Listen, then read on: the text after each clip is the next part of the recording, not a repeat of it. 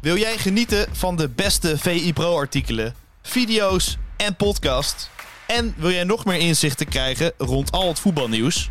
Word dan nu lid van VI Pro. Voor exclusieve podcasts, tactische analyses, interviews met spelers en financiële inzichten. Ga nu naar vi.nl slash zsmpro voor de scherpste aanbieding.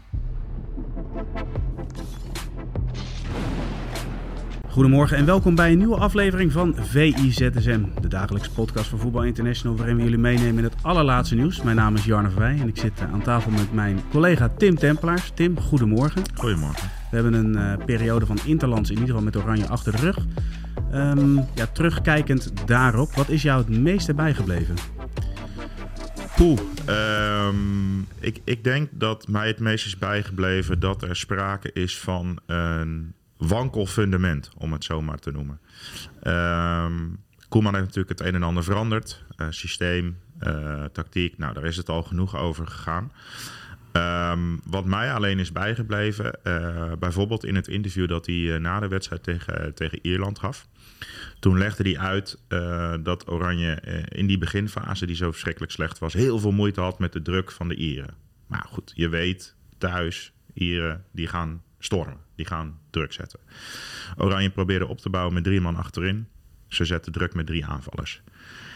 In het interview na afloop zei Koeman onder andere dat, hij, dat daar een simpele oplossing voor is. Namelijk achterin vier maken. Hè? Dumfries of wat terug zou laten zakken. Of bijvoorbeeld uh, iemand anders wat in laten zakken. Wat mij dan opvalt, en hij zei dat tussen neus en lippen door, is dat dat niet gebeurt. En dat bedoel ik met een wankel fundament. Als je dus op een gegeven moment hè, van tactiek en strijdwijze gaat wisselen, moet je wel weten van wat doen we als dit gebeurt? Wat doen we als dit gebeurt? Wat doen we als dit gebeurt? En omdat je dat um, erin pepert, uh, krijg je uiteindelijk, als het goed is, en dat zie je dus ook in het clubvoetbal bij de echt goede ploegen, een zelfdenkend team. En wat mij dan wel zorgen baart, en dat zal voor Koeman ook zo gelden, is dat op het moment dat een simpele ploeg, en dat bedoel ik niet met een gebrek aan respect, maar een simpele ploeg als Ierland, met z'n drieën voorin gaat stormen, gaat druk zetten, uh, stadion erachter, dat het elftal niet in staat is om dus die vier te maken. Wat volgens Koeman de oplossing was geweest. En dat vervolgens Koeman ook niet vanaf de zijlijn. En het zal daar een herrie zijn. Het was hectisch. Uh, er gebeurde van alles. Um, in staat is met zijn spelers dat op te lossen. Ja, maar Tim, ik wil je wel op, op inhaken. Want um, spelers bij grote clubs, toch? Zijn, ja. zijn wat gewend. Oké, okay, ja. pak nou even de situatie dat ze met drie man achterin staan. En, en uh, Frenkie de Jong heb je in een centrale rol. Mm -hmm. Dat was degene die de bal echt wilde hebben. Want in ja, mijn optiek ligt het ook van... de bal hebben. Ja, maar spelers moeten wel de bal willen hebben als je onder, ja. onder druk uit wil voetballen. Maar pak nou eens het, het, het beeld, zet het stil en gum Frenkie de Jong weg. En ga eens kijken wat er dan gebeurt. Nou, dan, heeft, dan is er geen afspeelmogelijkheid. Dat heeft dus ook met die beginfase te maken. Uh, Wiever zat er niet heel lekker in in het begin. Um, en ja, die opbouw van achteruit. Op een gegeven moment zie je dan dat de uh, minder ervaren spelers zich misschien wel een beetje gaan verstoppen. Je weet hoe dat gaat. Als je in de as van het veld een bal verliest, of je speelt een keer een bal uh, uh, lullig naar de tegenstander, zoals de in die eerste wedstrijd, dan ga je toch misschien van nature wat minder die bal vragen. Maar dat bedoel ik dus. En dat is dus waarom trainers als Arteta en Guardiola soms zo staan te blaren langs die lijn. Van durven, doen, fouten maken niet erg. Ja, fouten maken natuurlijk wel erg, maar het gaat om de intentie. Ja. En dat bedoel ik dus met wankel fundament. Zorg dat voor iedereen duidelijk is: als dit, dan dit. Als dit, dan dit te alle tijden zorgen dat we opties hebben als we gaan opbouwen. Want de gedachte is niet zo gek, hè? Ja, maar dat kenmerkt ook een topteam natuurlijk. Op het moment Precies, dat je maar de gedachte, en je hebt meerdere afspeelmogelijkheden. De gedachte was helemaal niet zo gek. Met, met uh, die logge Ieren, uh, Shane Duffy. Ja, ik vind het schitterend om te zien. Maar ik bedoel, als je gaat lopen, dan ga je van hem binnen. Daar stond Malen. Nou, dat is twee keer gelukt. Maar opbouwen, de Ieren wat lokken, ruimte in hun rug. Prima. Op papier klopt het.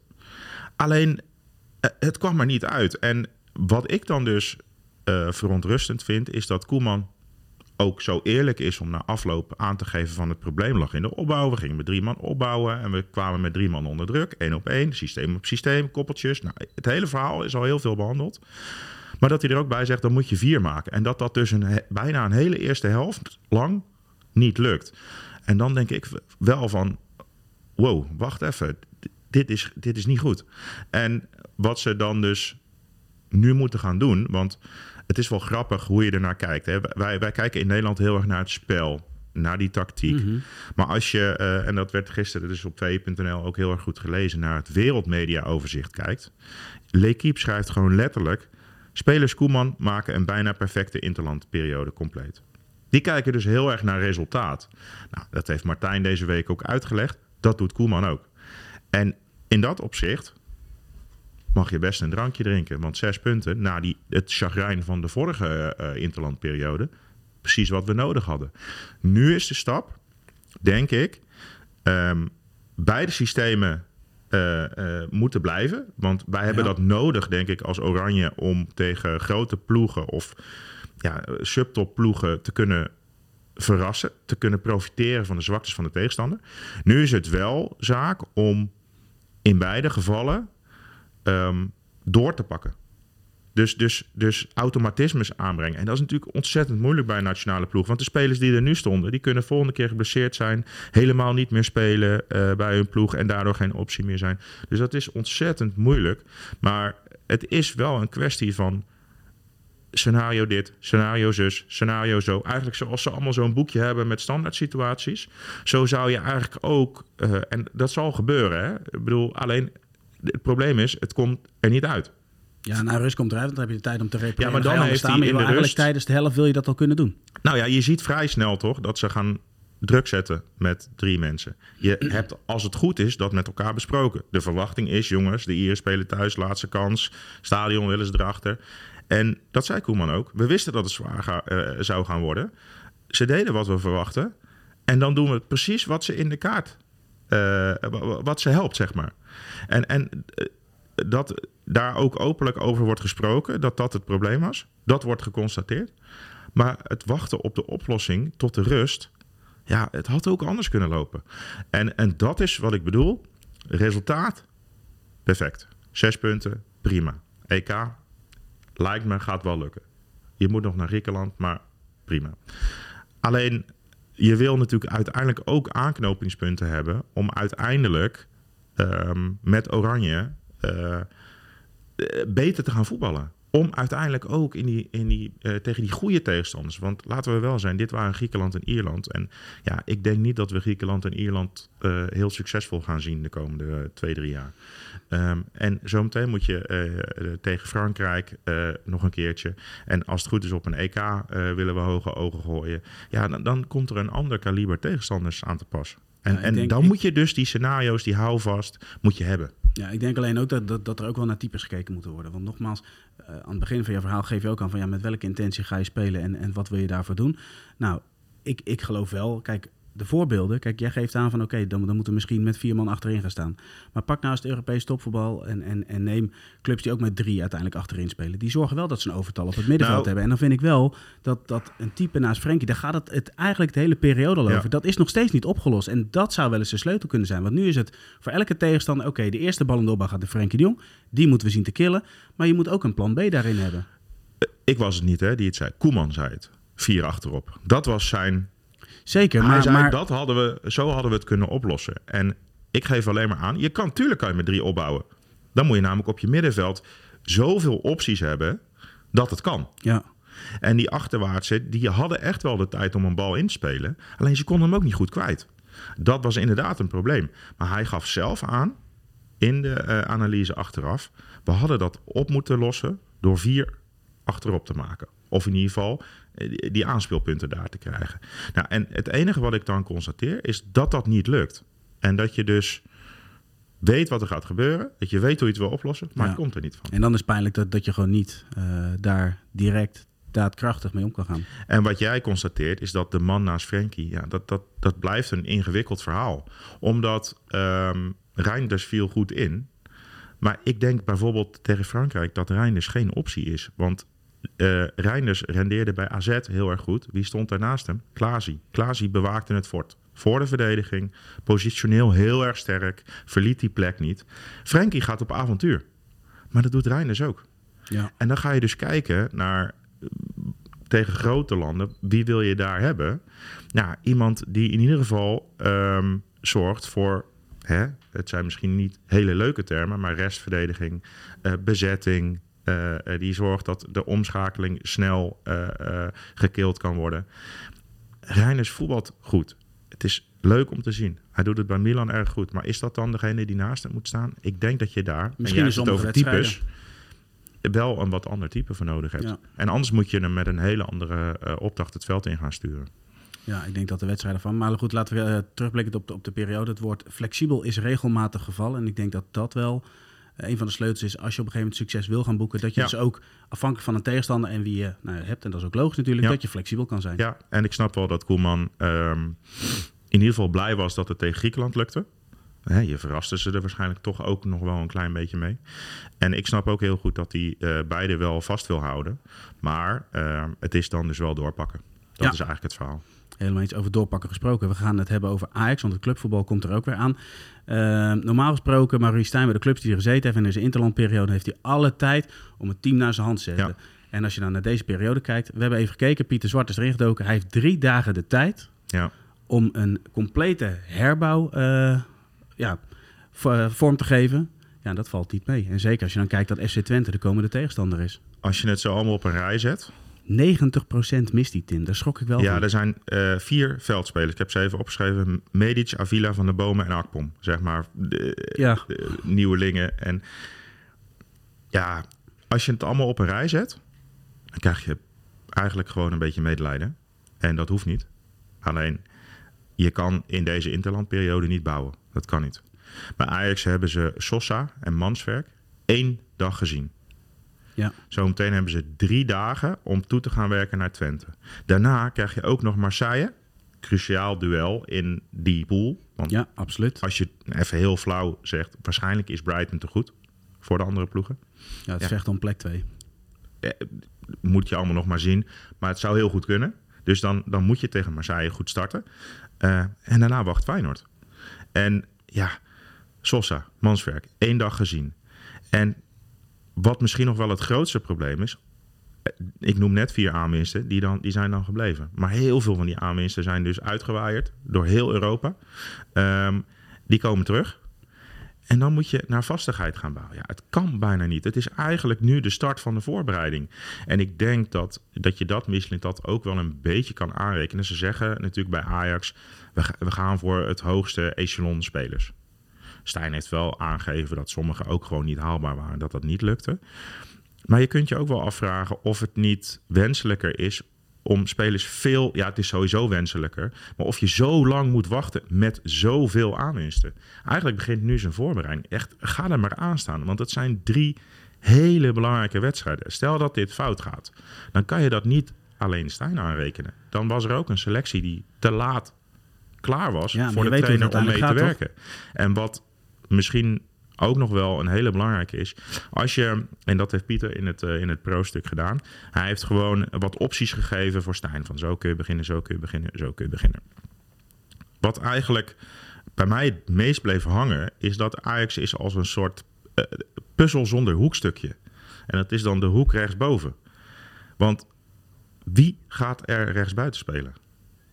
Ja, en de vraag is wie gaat er rechtsbuiten spelen, maar waar gaat hij ook precies staan? Gaat hij aan de buitenkant staan? Nou gaat hij aan de binnenkant staan? En dat, dat is ook dat ik met de voorbereiding is voor hem eigenlijk pas net begonnen. Want als je dus met bijvoorbeeld Berghuis daar gaat spelen, dat is niet meer iemand die op snelheid buitenom heel de tijd aan de zijlijn, die, dat hebben we gezien uh, eerder, die moet een beetje de vrijheid hebben. Dus dat is een type rechtsbuiten die snel naar binnen zal komen. Stijn heeft hem ook wel als een echte nummer 10 genoemd, dus het is maar de vraag of hij hem daar ziet spelen. Um, maar dan moet je dus een back hebben die daar overheen gaat. Nou, Guy is net binnen. Is, is, is wat druistig. Is heel snel en is goed met ruimte voor zich. Dus het zou kunnen. Rens is denk ik de andere optie. Niet echt in zijn beste vorm. Uh, nee, heeft heel veel moeite in het verdedigende aspect ook. Maar je wil daar dus aan gaan werken, aan zo'n koppeltje. Sosa is een aanvallende linksback. Komt net binnen. Maar ga je dan dus.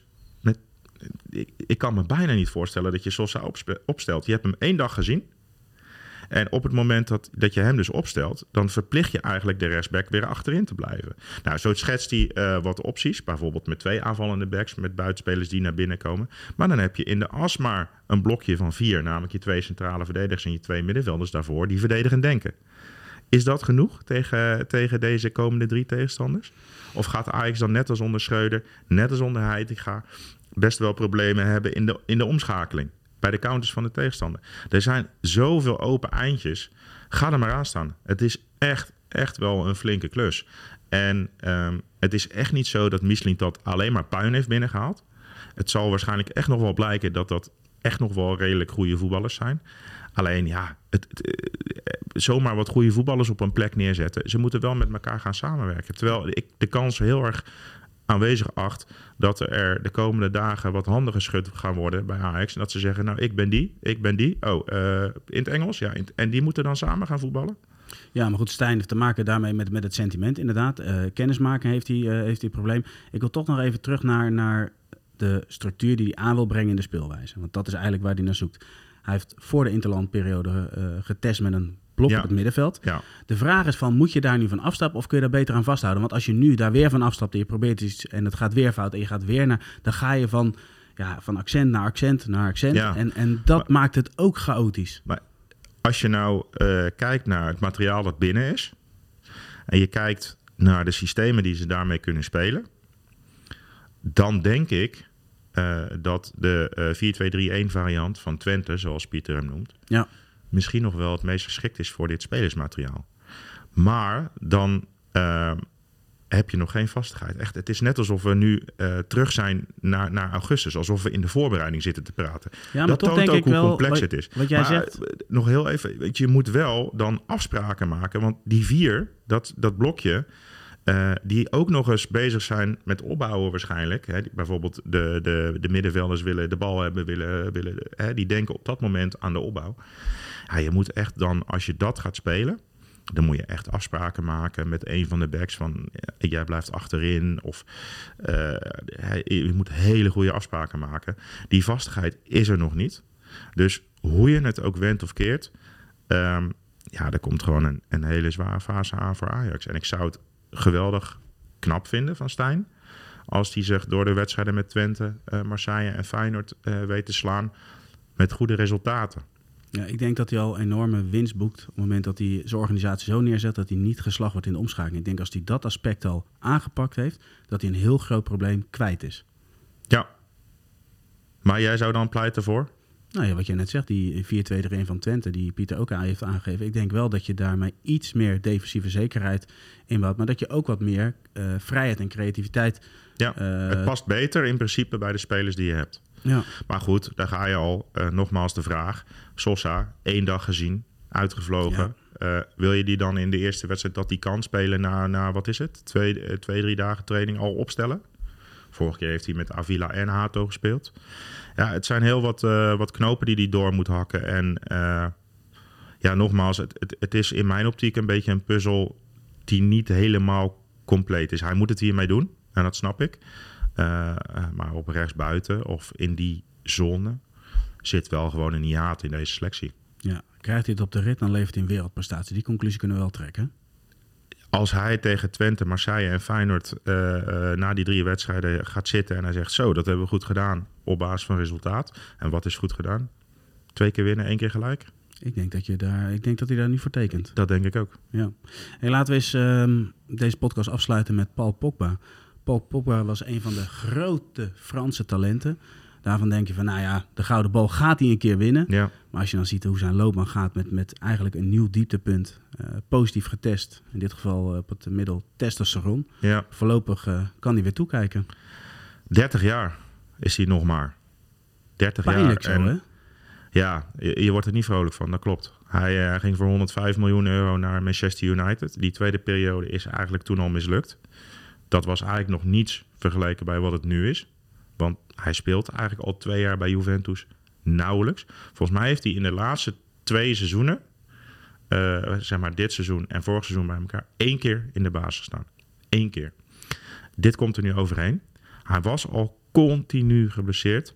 En ja, dit, dit is gewoon heel, heel, heel erg slecht nieuws. Ehm, de contra-expertise is er nog niet. Dat laten we wel even uh, duidelijk stellen. Hij is, uh, de testosteron is, is eruit gekomen. Ja. Um, nou, als uit de contra-expertise blijkt dat dat daar ook in zit, heeft hij gewoon een heel groot probleem. De dopingregels zijn niet zo heel moeilijk. Is het aangetroffen? Oké. Staat het op de verboden lijst? Oké, nou, kies maar hoe lang je geschorst bent. En dan krijg je een heel spel van uh, uh, waarin hij met advocaten aan de slag gaat. Maar de ergste straf is dan vier jaar. Nou, dat zie ik niet zo snel gebeuren, want dan moet je uh, helemaal de, de opzet aan kunnen tonen. En de eerste verklaring van zijn belangenbehartiger, Rafaele Pimenta, heeft al gezegd van, ja. nou, we gaan pas echt reageren als de contra-expertise er is. Maar ze gaf al wel aan, hij heeft nooit iets bewust gedaan. En dat is een belangrijk aspect in zo'n zaak. Als het tot een zaak gaat komen, en dat gaat het waarschijnlijk gebeuren, uh, ja, dan, dan kom je in principe uit op een schorsing van twee jaar. En dan is het vervolgens aan advocaten om allerlei dingen in te brengen. En dat kan je dan nog terugbrengen. Bij Onada bijvoorbeeld, uh, die, die pleiten dus ook uh, van... joh, ik heb dit allemaal niet expres gedaan. Het, uiteindelijk is dat uh, een jaar geworden. En dat is al vrij uitzonderlijk. En dat is zelfs later nog negen maanden geworden. Dus laten we even heel... Toch is dat wel een behoorlijke periode. Hè? Ik moet ja, terugdenken aan een andere Lon-affaire met Frank de Boer, geloof ik. Hè? Ja, ja. Stam volgens mij ook, toch? Ja, op Stam ook. Um, ja, kijk, laten we zeggen, nogmaals, uh, daar wil ik wel bij aantekenen, dat is veel te kort door de bocht en veel te snel. Maar laten we nou eens van een jaar uitgaan. Dan krijgt Paul Pogba, die dus de afgelopen twee seizoenen, dit seizoen meegerekend, amper heeft gespeeld, krijgt nog een jaar daarbij. Ja, het, het, gaat wel echt als een nachtkaars uit. En, en het is gewoon zonde, want het, het was een soort uh, fysieke bom die ook nog kon voetballen, die kon scoren, die, die, die ballen uh, buitenkant voet vanaf 30 meter in de kruising schoot. Ga maar eens op zoeken op die beelden van die goal. Dat is echt een geweldige goal. Het, het, op het WK in een dienende rol kon hij ook nog zeg, met het spel behaalt alles. Ja. En, en als je dan denkt, van, ja, hij is 30 en, en, en, ja, als je kijkt wat daar nu is uitgekomen, uh, veel en veel en veel te weinig. Ja, precies. Dat blijft dan toch wel hangen. Terwijl, uh, ga, ga eens terug naar zijn beginperiode bij Juventus. Dat was echt een fenomeen. Nou, hij brak natuurlijk heel vroeg al door. Hè? Dus hij heeft zijn, het aantal jaar dat hij zeg maar, in de top meedraait... hij heeft echt wel heel wat jaren gehad. De laatste jaren natuurlijk niet. Um, maar ja, dit, dit, dit was iemand... Jij zei, gouden bal uh, gaat hij zeker winnen. Nou, dat, dat was helemaal niet gek geweest als je dat een paar jaar geleden zei. Nee. Een paar jaar geleden, misschien nog verder daarvoor. Ja, ik denk inderdaad, dan ga je toch al gauw naar vijf, zes jaar geleden. Ja. ja. En ja, nogmaals, hij is ooit voor 105 miljoen gehaald. Nou ja, uh, inflatie eroverheen, noem het allemaal maar op. Wat zou die met die klasse van toen nu waard zijn geweest als hij nu nog zo goed was? Ik denk een stuk meer. Ja. En uh, ja, het, het, is gewoon een, een hele trieste ontwikkeling. En uh, hier is het laatste woord nog lang niet over gezegd. En wat ik al zei, contra-expertise, uh, allebei de kanten, als het tot de zaak gaat komen, moeten dan in de slag met elkaar. Dus dit gaat echt nog wel een tijd duren. maar dat het heel, heel, heel slecht nieuws is voor Paul Pogba, dat is wel duidelijk. Precies, wij blijven het volgen. Tim, dankjewel en tot ZSM. Tot ZSM.